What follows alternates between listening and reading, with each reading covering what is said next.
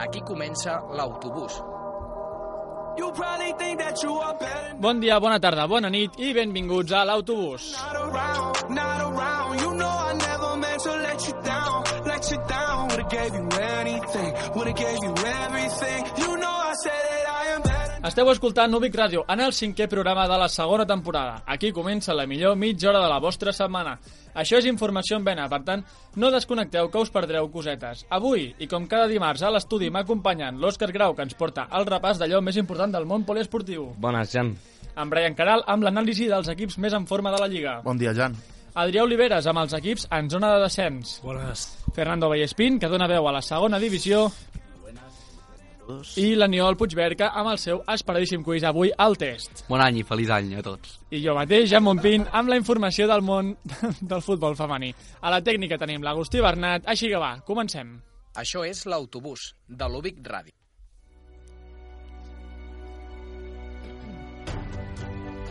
Any nou, vida nova. El Barça fins ara ha seguit amb la dinàmica de sempre. Joc mediocre, poca forma física i resultadisme en estat pur. Però encara queda una mica d'esperança. Com sabreu, si no viviu sota una cova, Valverde ha estat acomiadat.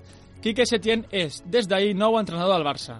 Seran molts els que estaran contents per la destitució de Valverde, però a mi m'ha deixat un mal gust de boca per com ho ha gestionat la junta directiva, tant o més mediocre que el xingurri. Fem un repàs de com va anar el dia d'ahir amb el nostre expert del Barça, en Brian Caral. Bon dia, Jan. Sí, eh, estic d'acord en tot el que dius i si et sembla farem un repàs de com va, de com va anar el dia d'ahir. A les 9 del matí, Ernesto eh, Valverde arribava a la ciutat esportiva per a dur terme l'entrenament que estava fixat per a les 11 del matí. Un entrenament el qual va comptar amb la presència, amb la presència d'Andrés Iniesta. Quan els jugadors estaven acabant l'entrenament a les 12 i mitja, Bartomeu arribava a la ciutat esportiva per a mantenir una, conversa, una conversació amb Valverde al finalitzar l'entrenament. A les 2, Valverde abandonava la ciutat esportiva i una estona després ho faria el president Bartomeu. Bartomeu va marxar al Camp Nou on a les 3 de la tarda estava citat a la junta directiva i és allí on es decidiria el futur de l'entrenador Blaurana. Una junta directiva que va comptar durant una estona amb Erika Vidal i Ramon Planes, els caps de la secretaria tècnica. Quan ja s'estava finalitzant la reunió de la junta directiva, que va durar més de 4 hores, és a dir, a les 7 de la tarda, els rumors de que el representant de Setién ja estava a Barcelona era cada cop més creixent i segur. A les 11 i 17 minuts de la nit es feia oficial que Ernesto Valverde era destituït i 11 minuts després el Barça donava la benvinguda a Setién, que firmarà aquest matí fins al juny del 2022, és a dir, per a dues temporades i mitja. Ara mateix, a les 11, s'està duent a terme el primer entrenament de Quique Setién i a la una i mitja es durà a terme la firma del contracte i posterior roda de premsa als mitjans. A les 6 l'equip es tornarà a entrenar. Gràcies, Brian. Doncs sí, efectivament, avui l'equip farà doble sessió d'entrenament, cosa bastant poc habitual, i és que Setién té molta feina a fer. Amb Suárez lesionat fins al maig i amb Valverde destituït, és hora que es construeixi un nou Barça.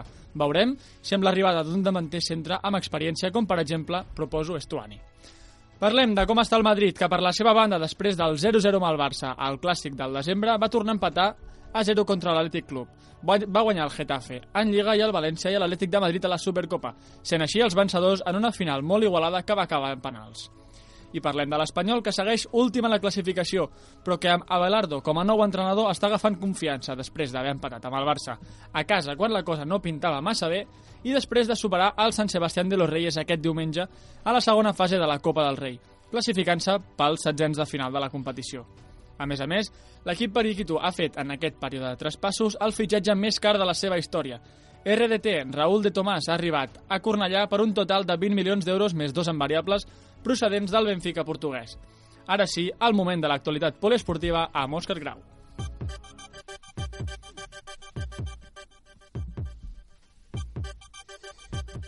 Bé, doncs comencem... Comencem parlant del Dakar, que s'està disputant aquests dies, com sabreu, però amb una notícia tràgica. El pilot de motos Paulo Gonçalves va perdre la vida per una par parada cardiorespiratòria. Però millors notícies ens arriben en cotxes, ja que Fernando Alonso i el seu copilot Marc Coma van quedar segons en l'etapa número 8. Inclús en moments d'aquella etapa, Fernando Alonso estava lluitant per la primera posició. Fernando, que després d'aquesta etapa és 13è en la general i a 10 minuts i mig del top 10. També en cotxes tenim 23è en la general el mític Nani Roma i en primera posició, també mític, a Carlos Sainz, que no va tenir una bona vuitena etapa però segueix, com he dit, primer en la general. En motos no hi va haver etapa per respecte a Paulo Gonçalves, Gonçalves perdó, però tenim a Joan Barreda en cinquena posició, a Lorenzo Santolino en dotzena, a Juan Pedrero en tretzena posició i seguidament Laia Sanz en catorzena posició. Una Laia Sanz que s'ha mostrat molt afectada per la mort de Paulo Gonçalves per xarxes socials. I ara mateix, mentre estic parlant, s'està disputant la novena etapa del Dakar, que és la més llarga de totes. Seguim amb més informació, com sempre, en bàsquet, amb Fernando Vallespín. Ahí está, se la juega Carrizo. Y bueno, Oscar, como cada semana en básquet comenzamos repasando, si te parece un poco, la actualidad de los equipos españoles en la Euroliga. D'acord, doncs vinga, comencem amb la- amb l'Eurolliga. Real Madrid y Barcelona completan el trono que lidera el Anadolu. A pesar de esto, son los blancos quienes gozan de una mejor posición en la tabla. Igualando las 15 victorias y 3 derrotas del líder, el Anadolu Efes, los blancos están intratables después de cosechar su decimotercera victoria seguida hace ya una semana contra el Zalgiris. Los culés, por su parte, llevan 13 victorias y 5 derrotas y vienen de perder dos partidos consecutivos contra Basconia y el ya mencion- mencionado Anadolu Efes. Quins són els pròxims partits de Madrid i Barça? Pues hoy a las 6 de la tarde tenemos un partidazo. El Real Madrid visitará la cancha del CSK de Moscú, mientras que al- el Barcelona lo hará en Israel para medirse al Maccabi Tel Aviv a partir de las 8 de la noche. Pots dir de l'ACB? En ACB completamos este fin de semana la jornada 17, o lo que eso implica finalizar la primera vuelta de la competición. Madrid y Barcelona se colocan en lo alto de la tabla con 14 y 13 victorias respectivamente. El Juventud y el Manresa ocupan las plazas 12 y 13 con 8 victorias cada uno. Va, i si no m'equivoco s'està jugant la Copa del Rei, què em pots explicar? Pues te equivocas porque no se está jugando la Copa del Rey, sino que se ha realizado el sorteo. Bueno, como me imagino que el resto sí que sabréis, y al que no lo sepa se lo explico, al finalizar la primera vuelta del ACB se realiza el sorteo de la Copa del Rey, torneo que se jugará, Oscar, dentro de un mes, en Málaga. Esta copa solo la juegan los ocho primeros clasificados tras las primeras 17 jornadas. Así pues, tenemos como aspirantes, según el orden de clasificación, al Madrid, al Barcelona, al Zaragoza y al Tenerife como cabezas de serie, y al Bilbao, al Valencia, al Morabanca Andorra en el segundo bombo. Al segundo, al Burgos le correspondería jugar la competición según la tabla, pero será el Unicaja Málaga quien ocupe esta plaza debido a su condición de anfitrión. Ara, ara vingut, eh, el i el presentar no? Correcto. Y el sorteo nos dio estos cuartos de final, pues el Barcelona se tendrá que medir al Valencia y del ganador de este enfrentamiento se tendrá que eh, medir en la semifinal al ganador de la de la eliminatoria entre Madrid y Bilbao. Por el otro lado del cuadro tenemos un Zaragoza Unicaja Málaga y un Tenerife Morabanca Andorra. I ja has dit que serà d'aquí un mes, però quins dies concrets serà el torneig? Pues mira, los días 13 y 14 de febrero se disputarán los cuartos de final. El sábado 15 podremos disfrutar de las semifinales y el domingo 16 dará lugar a la gran final. Molt bé, i ara què em destaques de l'NBA? Pues Oscar, no os voy a dejar sin vuestra dosis de baloncesto americano. Como cada semana, dos noticias muy rápidas. La primera, el bombazo que estamos esperando todos. Y es que este jueves debuta oficialmente Zion Williamson contra los Utah Jazz. Zion, recuerdo, fue el número uno del draft en 2019 y ya ha superado su lesión de rodilla. Y ya para acabar, destacar el resultado de la segunda votación para el All-Star. Los tres jugadores más votados son, obviamente, LeBron James, Luka Doncic y Giannis Antetokounmpo. Como sorpresas encontramos, por ejemplo, a Carmelo Anthony o Taco Fall en, en las líneas de jugadores interiores, mientras que Alex Caruso se cuela en el top 6 de jugadores exteriores o un Stephen Curry que ocupa el cuarto puesto a pesar de llevar lesionado desde que empezó la liga. Y ya para acabar, pues jugadores como Dwight Howard o el rookie Jamoran son invitados de lujo para el concurso de mates en un All-Star que comienza a ser muy prometedor.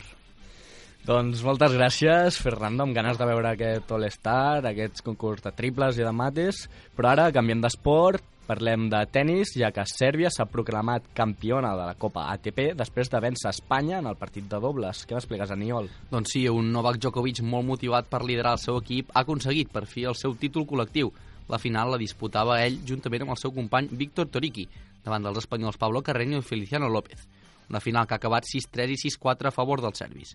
Rafa Nadal, capità de l'equip espanyol, s'ha mostrat descontent amb el públic serbi en roda de premsa. Pasa que al final pues eh, ya he vivido algunos episodios con, con algunos eh, de estos seguidores que son fanáticos y no son australianos. y, y la realidad es que a veces van a, la- a las pistas y, y van con, con, con más sustancias en el cuerpo de las que deberían y no entienden mucho de, de este deporte, ¿no? Dures declaracions del tenista balear, eh, recordem que va avisar l'àrbitre del partit sobre el comportament del públic i a l'acabar el partit va aixecar el polze irònicament cap a la graderia. Doncs sí, insinuant aquí una mica com anava el públic serbi. Ara anem amb informació sobre l'handbol, ja que s'està jugant l'europeu. Com va la selecció espanyola, Brian? Sí, Espanya ha començat amb molta força aquest euro- europeu de Noruega guanyant tots els partits que ha jugat. Anem a fer un repàs. Ha guanyat 33-22 a Letònia, 33 a 26 a Alemanya i per 25 a 36 als Països Baixos.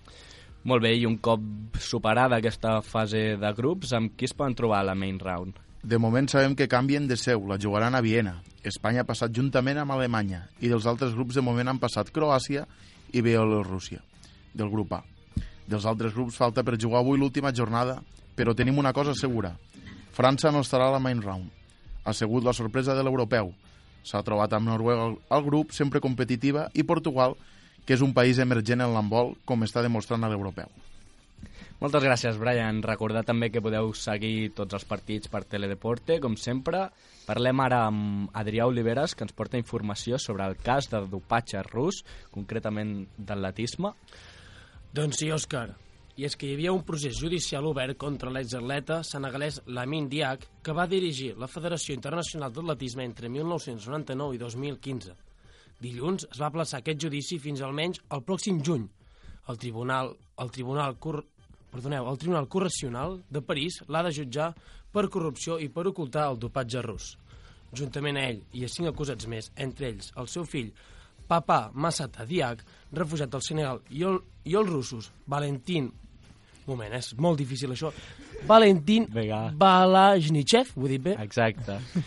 Uh, L'exministre d'Esports rus i Alexei Melinkov, exentrenador. D'aquests dos últims, Moscou s'ha negat a, extra extradiar-los. També haurà de declarar el metge francès Gabriel Dolé i l'advocat Diak Habib, Cissé. Imagina't els noms. Seguim. El Tribunal Correccional de París està investigant si Diak ha estat rebent diners per part dels russos per finançar la seva carrera política a Senegal. Moltes gràcies, Adrià. Sé que t'han costat una mica els noms, però nosaltres seguirem doncs, seguint l'actualitat d'aquest judici i de com va aquest tema, ja que és un excepcional cas i el podreu seguir aquí amb nosaltres a l'autobús.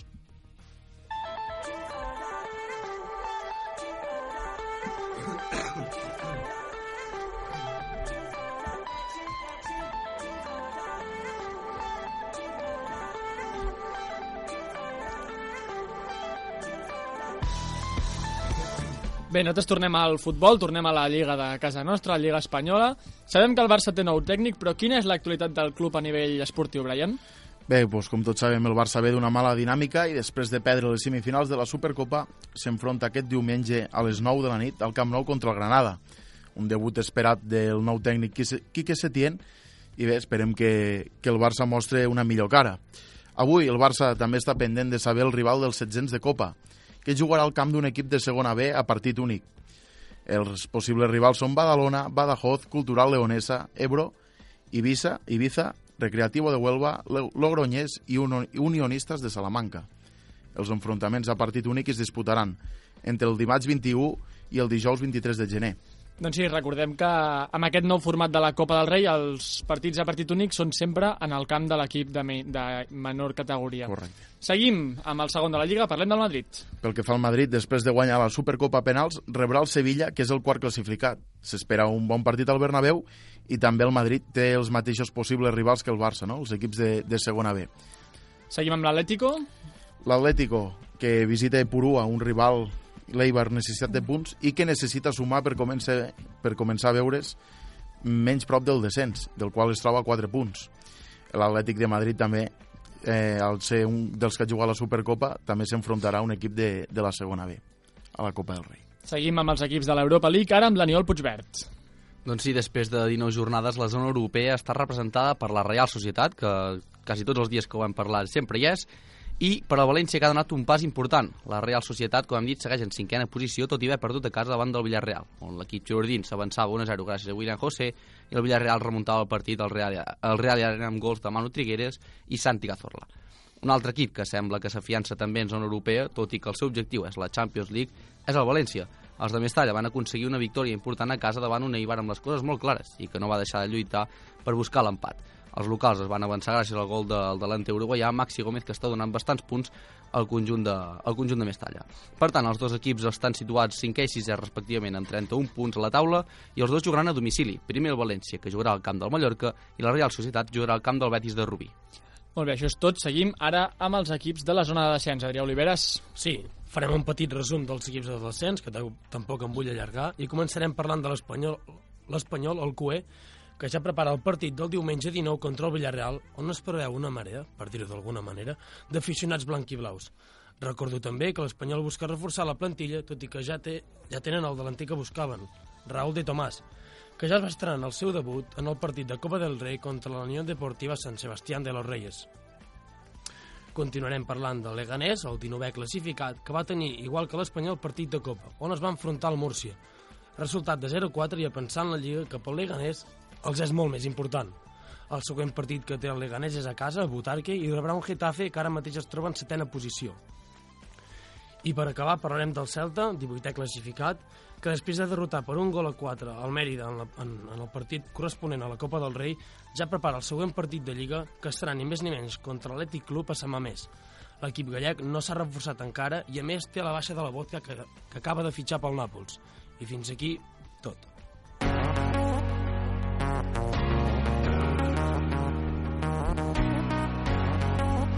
Doncs bé, parlem ara de futbol femení perquè segueix la ratxa del Barça. Ja són 14 victòries i un empat en 15 jornades de Lliga que portem. Aquesta intro, que segueix, de la que segueix la ratxa, és la mateixa de cada setmana. Per cert, d'aquí poc podré repetir la secció sencera, pel que sembla. Parlem, va, de l'últim partit de les Blaurana que es, van, que es va disputar aquest dissabte a la tarda contra el Tacón, a la ciutat esportiva del Real Madrid les Blaugrana van sortir a per totes en un partit que havia de ser, teòricament, complicat. I dic havia perquè al minut 19 el Barça ja guanyava per 0 gols a 3. L'efectivitat blaugrana i l'encert de cara a porteria van ser claus per apagar els ànims d'un tacón amb ganes de venjança del 9 a 1 que es van endur de l'estadi Johan Cruyff a la primera jornada de Lliga. Un gol de Marta Torrejón a les acaballes de la primera part va ser la sentència definitiva per al partit que va acabar amb 0 a 4 la primera part.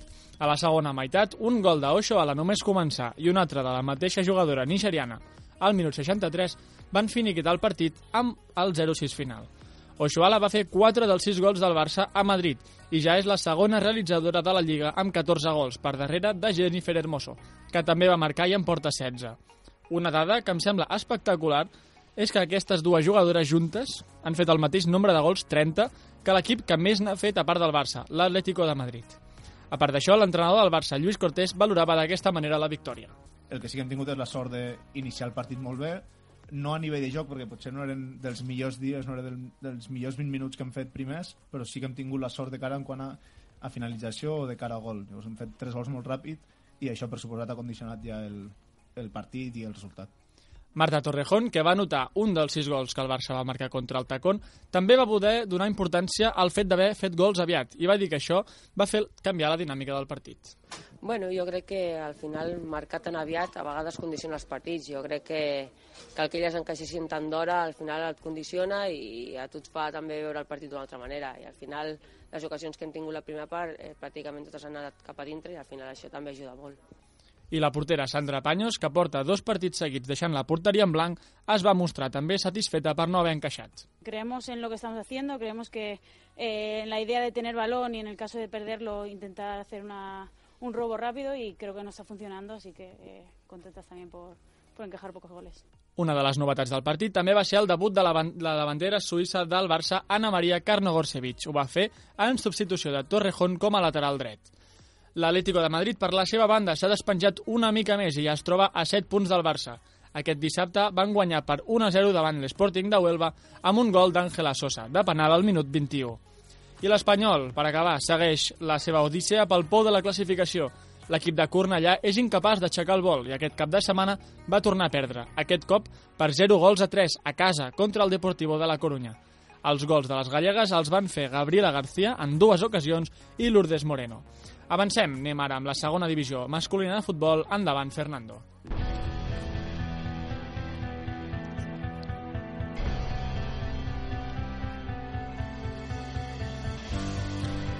Vamos con la segunda división, Jan, y como cada semana, lo primero, un repasito a la tabla de la clasificación. Doncs vinga, aquí trobem els llocs d'ascens directe. Pues mira, lo, el primero, el líder sigue todo igual. Desde antes de Navidad, el Cádiz sigue líder destacado con 44 puntos y en segundo puesto encontramos al Almería con 39 puntos. Si et sembla, fem un repàs dels equips en posicions de playoff. Perfecto, Jan. Mira, el tercer eh, clasificado es el Real Zaragoza con 36 puntos. Le sigue su máximo rival en cuarta posición, el Huesca, con también 36 puntos.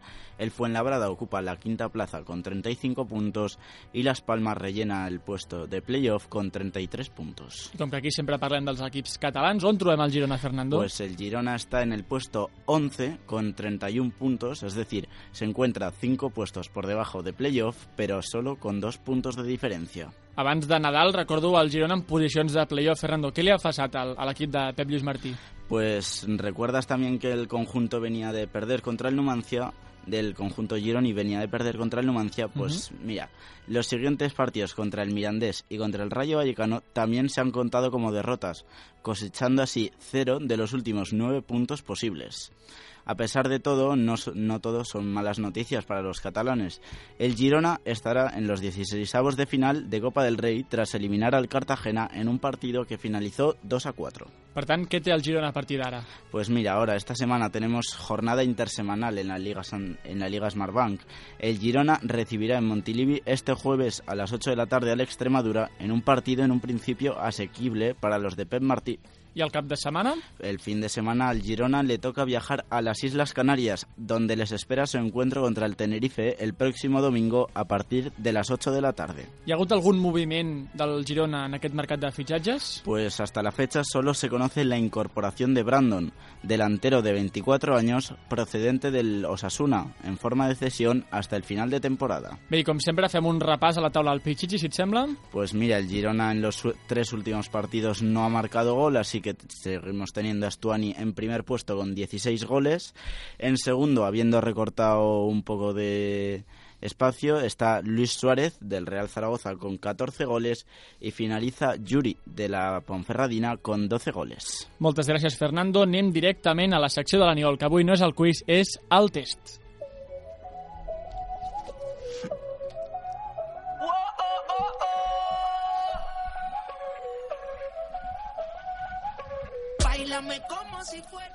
Bueno, Jan, com estem tots? Bona tarda.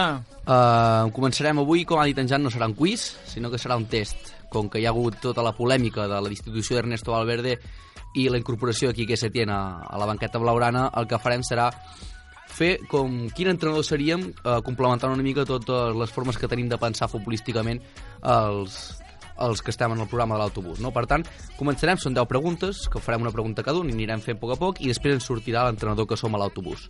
No? Si ens sortís Valverde ja seria també no? una mica descavallat, no, tot Ens- això? ens acomiadem a nosaltres mateixos. Per tant, Brian, començant amb tu, um, jo et faig la pregunta, et dono quatre opcions i tu me'l respons.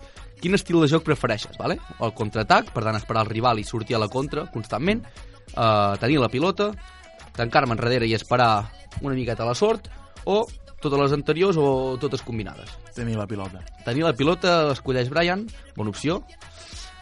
Fernando, com ets tu amb els teus jugadors? Ets humil i ets una, un entrenador pacient? O ets el líder del vestuari i critiques cada cosa mal, dolenta que fan els teus jugadors? El líder, el líder. Hay El líder del vestuari, hombre, Fernando... Fernando... Hombre, es que si no los jugadores... Claro. Se cada relajan. uno, cada uno va por su cuenta y no. Ets un xolo, eh, tu? Claro, claro. Xolo Simeone tenim aquí a, al programa de l'autobús. Um, Adrià Oliveres, i imagina, vale, imagina per un moment que, que portes una ratxa negativa de resultats. Com intentes uh, tornar la confiança al teu equip? Donant-li les culpes a ells sense assumir jo cap culpa, és a dir, ja s'aixecaran ells sols, o animant l'equip i treballant dur per, per resoldre el problema? L'opció de mirar Gladiator no hi és? No. L'Espanyol mireu Gladiator quan es va malament. No, la, la segona. La segona, saps? ani- animar l'equip i, i poc a poc. Òscar, si no t'agrada, el següent dia fas tu el La programa. Jan, Es uh, deixaràs allà. és més tècnica aquesta. eh? Quina formació prefereixes? La 4-4-2 o 4-3-3? La 5-3-2 o alineacions rares amb experiments? A mi m'agraden les alineacions rares amb experiments. Sí? Un Ah, 6-3-2. ui, ui, ui. un Un, 6-3-2. un 14 Em va agradar, em va agradar el, el Madrid de la Supercopa que va jugar amb 5 o 6 migcampistes. Sí, veritat. Jo, jo en davanter. Però això em va recordar el, el Barça contra el Santos a la final del Mundial de Clubs, que va jugar amb 7 migcampistes. Vull dir, aquestes coses experimentals m'agraden a mi. Veure, Va, seguim. portem, estem a punt d'arribar a la meitat de preguntes i té pinta que ens sortirà un entrenador raro, raro, eh? Sí, bueno. sí. Òscar, imagina que, ets, uh, que un jugador no està content amb el club ni amb tu mateix, però és un jugador important. Tu què faries, vale? O sigui, el vendries sense, sense estar al club, o sigui, té la, la porta oberta, o el convenceries perquè es pogués quedar i pogués, el poguessis tu aprofitar? Home, l'intentaria convèncer. L'intentaries convèncer. L'intentaries convèncer, eh? Cara- Cuidado perquè s'està... les, les cares... Quina, quina, era, quina era la pregunta? La pregunta és, si un jugador no està content amb el club i amb l'entrenador perquè no té minuts Al carrer. i vol marxar, tu què faries? El deixes marxar o l'intentes convèncer perquè se't quedi? Ah, però Hombre, a ver, Hombre, dep- intentes depende del jugador. Clar, depèn del jugador, ¿eh? no? Si és un jugador com no- no- Rakitic me'l quedo. Si és Eh, Douglas... Si després de parlar amb ell no... Si és que Dembélé, Messi, venem. Seguim, seguim. Seguim, que queda poc de programa. Brian, uh, et deixes influenciar per la premsa o el president del club en quant al teu estil de joc i els jugadors uh, que han de ser importants? O no? No sóc entrenador, però... Tu ho faries? Bueno, Brian posa't en no la situació. Tu què creus? Posa't en la No, situació. no m'influiria. No et deixaries influenciar? No. No. Hem de dir la veritat, eh, Brian? Has Rey? d'aportar les idees al que portes, no? Això és veritat. Molt, Molt bé. Brian. Mira Setién en el Betis. Molt bé, Brian. Ho saps tu millor que jo. Sí, ho sé, ho sé, ho sé bé. Que va anar a la seua... Um, Fernando, um, ets més de, de pujar cantera o ets més de fitxar estrelles? Uf, cantera, xico. La Can- cartera. cantera? Sí, sí. Una pregunta complicada, No, perquè, clar, que, claro, les estrelles et poden donar moltíssim, però la cantera al final no. Claro, y si en cantera tampoco tienes a ningún... Clar, es depèn del club on que estiguis. també. Clar, yo, esta yo soy de, yo soy de Però és billete. igual, si tinguessis tot. Yo soy Fernando. billete, yo soy de billete. Oi, Florentino aquí. oi, oi, oi. Yo soy de billete. Fernando és de bitllets, Ai, eh? ai. Fernando és un entrenador... Cuidado, Fernando, eh, entrenador. Aquí El sortirà. Fernando ens farà, ens farà que això surti... No m'agradaria ser un jugador seu, eh? Adrià Oliveres, sisplau. Si et donen la- l'oportunitat de fitxar un jugador del teu màxim rival, per exemple, del Barça, ho faries o no? Hombre, pues claro. Sí. Mira ciego, mira ciego. Pots ser criticat per la premsa, eh, després. Sí, però... No, què? es, Eh, eh, no. no, el Però- es el jugador. És exacte. El jugador ve a mi. El Tots els jugadors volen Aquí fitxaries del Barça. Aquí Aquí fitxaries el Barça. Fitxaries.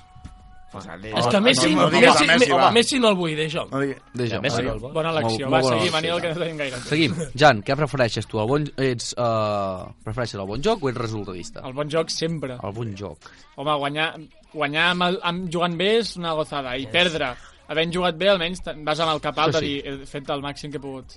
No sempre es pot guanyar, eh? No es guanya sempre.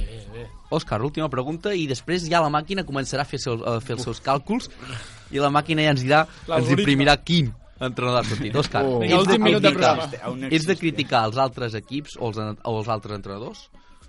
Tu que ets entrenador de sí, handball. sí, follinero. Sí, Criticaries, folla- per exemple, en un partit, una Champions, una final de Champions, critiques a l'altre? no, o posar... Si toca un Mourinho, si toca un Mourinho de... Respecte sempre.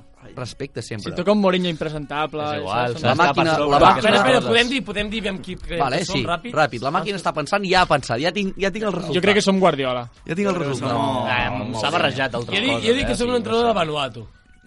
Eh, jo m'ho hem, som. de, hem de resoldre ja. Hem de resoldre ja. Resol, Resol. L'entrenador que ens ha tocat és actualment l'entrenador del Manchester City, Josep Pep Guardiola. Vale, vale.